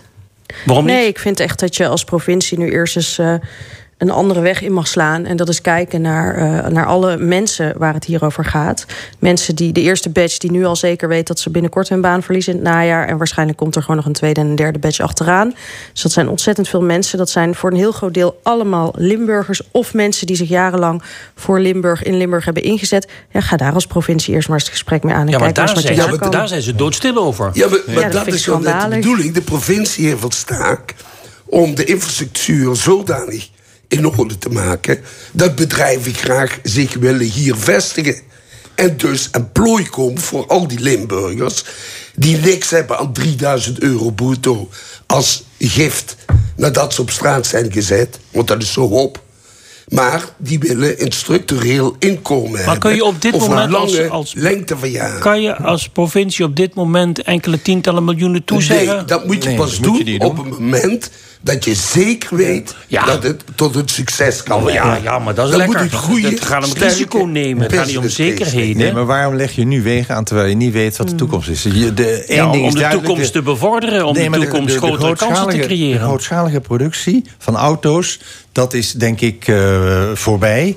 Dus wat zou daar nog voor groter bedrijven, anders dan zo'n doos die ze in Midden-Limburg eh, zeg maar eh, overal hebben staan langs de A2 en in Horst en omgeving, noem maar op. Al die grote hallen die, die, waar, waar een paar mensen werken. en daar dan een hele infrastructuur voor aanleggen. Ik denk dat je dus heel reëel moet zijn en moet kijken van wat is de toekomst van die plek daar. En daar vind ik een investering van eh 10 miljoen. Vind Ja. ik wel op dit moment heel prematuur. En ook de vraag of dat de rol van de provincie moet zijn. Wij zouden kunnen zeggen, laat er nou lekker overal het nieuwe provinciebestuur. Het zou een beetje raar zijn Nou, als dat het zou wat makkelijk oude zijn. provinciebestuur Want, eh, dat nu gaat uiteindelijk- besluiten. Tuurlijk. Nee, dus eh, ik, eh, eh, als, als je verantwoordelijkheid draagt eh, als provincie... of als je dat gevraagd wordt of denkt... dan moet je natuurlijk afwegen... is daar voldoende reden om daar zoiets grootschaligs te maken? Maar als je, en ik als denk je ondernemer wil zijn, moet je risico's nemen. En Limburg is infrastructureel toch wel uiterst zwak. Als je dat vergelijkt met de Randstad. En dus de kans dat er hier nog echt een grote wijkgever komt... die een plooi moet geven aan al die mensen... Ja. die nu wijkloos worden... Ja. Ja, die kans is niet heel. Als de provincie niet adequaat erop inspeelt op de toekomst. En met hulp van anderen en met goede rapporten, goed doordachte plannen. En dat is de enige mogelijkheid. En als de provincie dat nalaat, dan falen ze nog veel erger dan dat ze dat op dit moment al doen. Maar ik denk dat je er gewoon heel reëel over Alibaba bijvoorbeeld. Dat is ook zo'n grote. Die zou ook eh, komen naar eh, Limburg. Is een deur verder eh, gaan zitten. En zo is natuurlijk toch de vraag: moet je niet eerst reëel inschatten. wat zijn de mogelijkheden op die plek? En als dat inderdaad voor de hand ligt. dat daar een groot bedrijf komt. dan kan ik me nog voorstellen dat je dat eh, gaat overwegen. om daar de infrastructuur aan te passen. Maar op dit moment is het volstrekt prematuur. En is het eigenlijk geld weggooien. Je moet het niet blind doen, je moet het gericht doen op een, op een goede business case. Ja, oké. denk ik. Price Waterhouse Coopers, gerenommeerd internationaal bureau, komt komende week met het rapport. En dan zullen we zien of er goede argumenten zijn. En ik denk dat je nu al kunt zeggen dat PricewaterhouseCoopers heeft natuurlijk goed geluisterd en die zegt natuurlijk dat moeten we doen. De wens is de vader, enzovoort. Goed, we gaan naar het. VVD-congres van gisteren. Eh, Minister-president Rutte die werd stevig aangevallen... omdat hij de asielinstroom niet heeft kunnen afremmen. Dat was wel zijn belofte. Hoe heeft hij zich verweerd tegen zijn partijgenoten? Zwak. Ja. Heel zwak. Hij doet net alsof hij nu, wat in een half jaar niet gelukt is... geen teken van succes, niet het minste tekentje van succes... denkt u nu in vijf weken op te lossen. Forget it. Eh, D66 en ChristenUnie staan lijnrecht tegenover CDA en VVD. Lossen ze niet op. Ik heb een stukje gelezen, mogen lezen. De mensen staan echt diametraal tegenover elkaar. Geen Ja. succes. En nog los van, van de belofte hè, van vijf weken. Want ik ben het helemaal met Karel eens dat ik me echt afvraag of dat, eh, of dat eh, wensdenken of doemdenken is. Maar dat het gaat lukken, lijkt me, die kans lijkt me klein. Maar wat ik vooral heel erg eh, intrigerend vond, is dat hij wist natuurlijk van tevoren ehm, dat hij veel eh, kritiek eh, en kritische oppositie vanuit zijn eigen leden kon verwachten. Ik denk ook geheel terecht. En ik vond zijn reactie een beetje ja, geprikkeld, geïrriteerd. En denk ik, ja, potverdorie man, je staat daar voor de leden. Bij de gratie van al die mensen zit jij al... Uh, nou, hoe lang is het inmiddels? 100 jaar, zo voelt het in dat torentje heb maar eens naar die mensen te luisteren. En doe dat dan niet zo. En dan hebben ze allerlei van die trucjes. Hè, van je gaat lekker tussen de mensen zitten. En we doen een vraag en antwoord. En, en dan van die één, tweetjes tussen uh, Hermans en Rutte. Van uh, Mark, schiet eens op. en dan denk ik, jezus, wat een kinderachtige ja, ja. kwatsch. Hou daarmee nee, op. Maar Rutte zei, ik wil de asielkwestie niet op de spits drijven. Want dan, dan is het kabinet dat doe je uh, einde oefening. Dan is, het, dan is het gedaan. Dan moeten we het, naar nieuwe verkiezingen. Hij heeft het gewoon gedaan. Het is gewoon ontiegelijk dom wat hij wat doet. Um, een, een zijstraat is dat Wilders uh, maar, heeft maar, wat is, wat is, wat is daar gisteren en daar. Nou, dat hij dit gewoon zegt. Ik los dit op. Dat kan hij niet. Dat kan hij dus echt niet. Neem alleen maar het vluchtelingenverdrag. Meer hoeven we niet te zeggen. Hij kan het niet oplossen. Wil hij in zijn eentje oorlogen voorkomen, watergebrek, uh, burgeroorlog, uh, ziektes, klimaatverandering. Want dat zijn de oorzaken waardoor de mensen naar hier komen. Nou, die kan hij echt niet in zijn eentje oplossen. Maar, toch komt hij voor de zomer weer bij dat hij daar een bijdrage aan levert. Helemaal niet. Maar hij kan niet anders dan met iets te komen. Ja. En als ik geen kamp hoor, toch niet de minste VVD'er... die zegt, desnoods moeten we dit verdrag met de VN maar opzeggen. Ja en het Europees Verdrag van de Rechten van de Mens. Ja, nou ja, dat is natuurlijk dat moet, het einde. Maar, maar, dat zal D66 en ChristenUnie van zijn lang zal zijn leven nooit accepteren. Dat ja, is het einde ja, oefening van het kabinet. ronde niet, maar voor het vervolg wel. Ja. Want luister, met alle respect... deze stroom mensen kunnen wij in Nederland niet nee. blijven opvangen. Nee. Als dat jaar in jaar uit zo doorgaat dan is het gewoon voor Nederland einde oefening. Ja, maar er was gisteren ook een congres van ChristenUnie. Daar was dus veel heel anders. Daar zeggen ze 17.000 mensen. Voor, liggen, liggen wij niet, ja. daar liggen wij niet, niet als het bij 70.000 niet. Ja. Nee, maar dus het hele het, het systeem uh, werkt niet. Wat is, er, dus, wat is er simpeler dan om af te spreken van... we gaan de vluchtelingen herverdelen. En in principe zijn dat soort dingen al vaker uh, geprobeerd. Europees? Europees en desnoods op wereldschaal. Dat maakt mij niet uit, want de kop van de VN, onder de kop van de VN, zou dat makkelijk kunnen. Dat je gewoon vaststelt. Uh, bij dat conflict zijn een aantal uh, uitgangspunten. Je moet de mensen in principe niet te ver buiten hun moederland uh, laten gaan. Hè, vanwege de mogelijkheid van terugkeren en ontheemding en noem maar op. Allerlei verschijnselen. Dus er zijn voldoende mogelijkheden om mensen elders te vestigen. Alleen daar moeten we dan in investeren. We moeten investeren in een deugdelijke, nette opvang. En van mensen die vervolgd, moeten, die vervolgd worden is een aparte categorie. Mensen die uh, om welke reden dan ook het, land uitvluchten, dat is ook een andere categorie. Uh, dus je moet daarin onderscheid maken. Maar wat er gebeurt is nu, laat maar komen, laat de boemen vastlopen. En gelukkig dat daardoor in het land Nederland het idee ontstaat tot een grote puinzooi. Dus we moeten de grenzen dicht doen. Nou, dat is wat ze bereiken op dit moment. En dat is waar Wildescharen bij spint op dit moment. En ik begrijp het grote probleem in Ter Apel, dat is absoluut zo. Maar het lijkt erop alsof het gewoon een beetje is van laat maar lekker rotten... dan keert de tij zich vanzelf. En dan gaan we dus... Ja, maar het, is, het is huisvesting, het is onderwijs. Al die dingen, gezondheidszorg, al die zaken... kunnen wij die mensen, misschien nu nog wel... maar op korte termijn niet meer bieden. Punt. Maar weet je wat en de VN is een, tij, een tandeloze tijger. Ja, maar Daar heb je helemaal niets aan. Daar mhm. zie ik echt niet de oplossing vandaan ja. komen. Nou ja, ik vind het wel. Het Vluchtelingenverdrag is uiteindelijk iets van uh, de Verenigde Naties ja, je ziet uh, hoe het werkt. En zij zouden, die rol, nee, maar zij zouden die rol best kunnen vervullen... als ze dat willen. En dan inderdaad in het kader van de herverdeling. Maar wat speelt er op dit moment bij al die gemeenten... of bij een groot aantal gemeenten... die uh, zeg maar terecht de noodklok luiden... voor een deel is dat heel simpel. Namelijk het ontbreken van sociale woningbouw. Voerendaal, Ulestraten, Klemmen, die bouwen liever villa's dan dat er sociale woningen worden gebouwd. En dus kunnen die, die gemeentes die asielzoekers niet opvangen. En zeggen ze dus: gang maar naar Heerlen, jong. Daar hebben ze er genoeg. Ja. Nou, en dat is dus gewoon wat, wat op dit maar moment... Het gaat niet alleen om Nederland, het gaat om Europa. Nee, maar, als nee, maar de discussie... nu over Rutte. deel oppakken. We hebben het nu over Rutte en over het oplossen van het probleem. Nederland heeft er ook voor gezorgd, althans degene die aan, de, aan het roer staan... dat op een aantal punten de mogelijkheden van opvang ontbreken om de dood eenvoudige reden. We investeren liever in villa's dan in sociale maar Jan. Rutte lost zijn probleem niet op hier binnen Nederland. Hij zal dat Europees dan wel wereldwijd moeten opzoeken. Vandaag al die reizen naar Tunesië... waar die, die dictator zit die alleen maar geld wil hebben... en waar totaal geen oplossing Nee, maar te bedenken er is een, er is een akkoord gesloten het lukt, Hij moet het binnen Europa doen, binnen de wereld doen. Tur- met Turkije en Griekenland, de, de Turkije-deal. Nou, als je ziet de beelden dat mensen op zee worden teruggeduwd naar de territoriale wateren van eh, Turkije. Of andersom bij, eh, zeg maar, eh, ehm, eh, Mar- bij Marokko, daar is een verdrag gesloten. 375 mensen zouden teruggestuurd worden. Moeten worden van die zogeheten ASO's. 32. Veilige landen. 10 procent. En verder niet, komt die niet. Dus, dus met andere woorden, je kunt wel zeggen van... we moeten het internationaal aanpakken, en dat vind ik ook.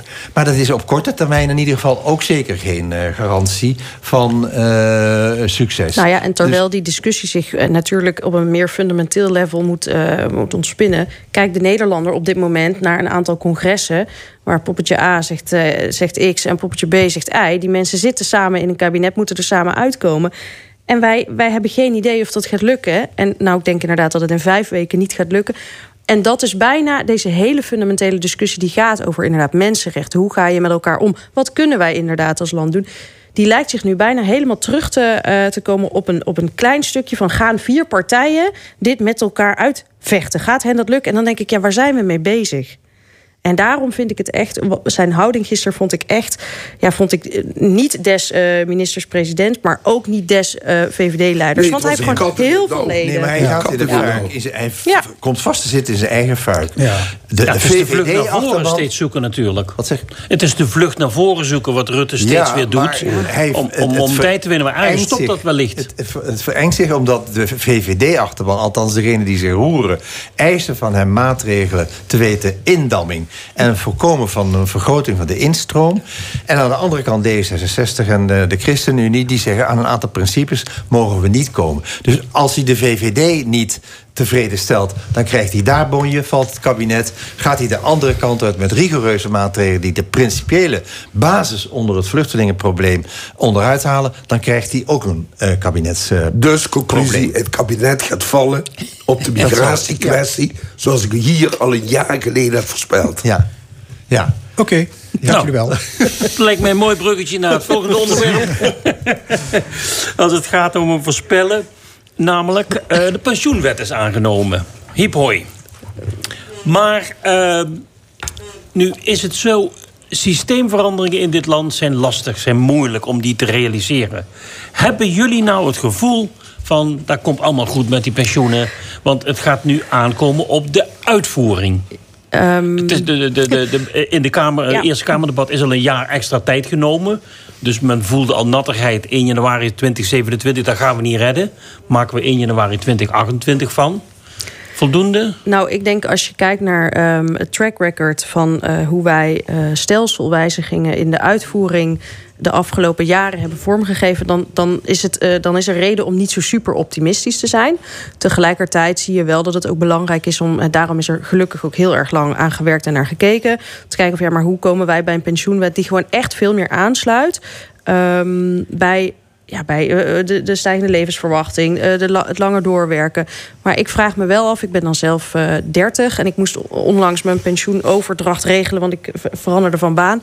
En ik zat dat allemaal te lezen en toen dacht ik, ja, ik Leuk, had twee gedachten. Dus ik dacht, oh, dit is helemaal niet zo heel interessant voor mij, want ik werk nog heel erg lang door. En gelukkig vind ik werken leuk, dus ik denk dat, dat, eh, dat ik dat niet zo erg vind. Maar, en anderzijds dacht ik, ik moet hier eigenlijk wel wat meer mee bezig zijn. En ik moet er ook meer van begrijpen. Dus toen dacht ik, nou, ik ga eens wat kijken. Hè, pensioenwet voor dummies. Eh, hoe, nou, ik, je komt er ook bijna niet uit. En dat vind ik zo lastig dat mijn generatie, voor wie het een enorme ver van de bedshow lijkt, daar wel degelijk enorm zich in zou moeten en Mhm. kunnen eh, informeren. Alleen ik, ik zie ook, hè, en ik snap echt wel dat we een Eerste Kamerdebat niet kunnen ver- vertalen eh, naar, naar, naar Jip en Janneke. Maar eigenlijk vind ik wel dat de informatievoorziening voor jij zit nu in deze situatie. Ehm, dat betekent nog dat je zo lang gaat werken. Dat be- dit betekent een nieuwe pensioenwet voor jou. En daar moeten we veel meer op inzetten.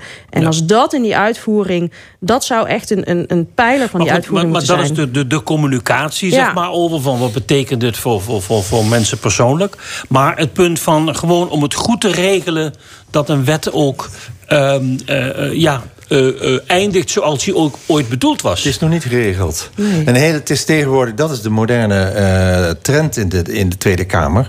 Dat is namelijk dat ze dus met grote, wat ze noemen, kaderwetten eh, werken. Daar wordt dus in feite, laat ik zeggen, de grote lijn wordt eh, vastgelegd. Maar een heleboel details, een heleboel essentiële dingen zijn nog lang niet uitgewerkt. Bijvoorbeeld, er is al heel lang beloofd dat mensen met zware beroepen, hè, de stratenmaker, ik noem maar wat, de bouwvakker, mensen die de hele dag krom eh, lopen van eh, de, het gewicht tillen, dat die geregeld eh, zou moeten worden. Dus dat, dat zware werk niet geregeld. Is nog Ja. steeds niet geregeld. Er is een groep bijvoorbeeld nu bij de nieuwe pensioenwet, hè, de 45ers en ouder, die ja, het grootste deel in het oude pensioenstelsel zitten.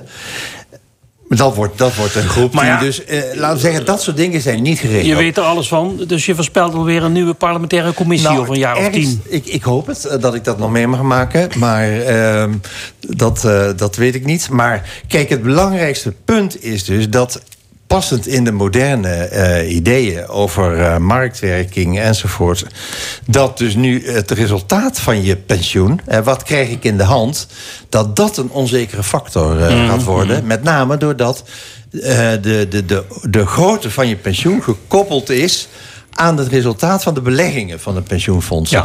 En in slechte Of anders tijden gezegd, gaat het gekoppeld slecht. aan de economie. Ja, dus als je daar de voorbeelden ziet, die, als je de voorbeelden bekijkt die in de, in, in de kranten genoemd worden, dan kan bij slecht weer, zoals ze dat dan heten, kan je dat duizenden euro's Ja, op ja, maar ik heb en omgekeerd. Maar dat is Nee, nu. Jan.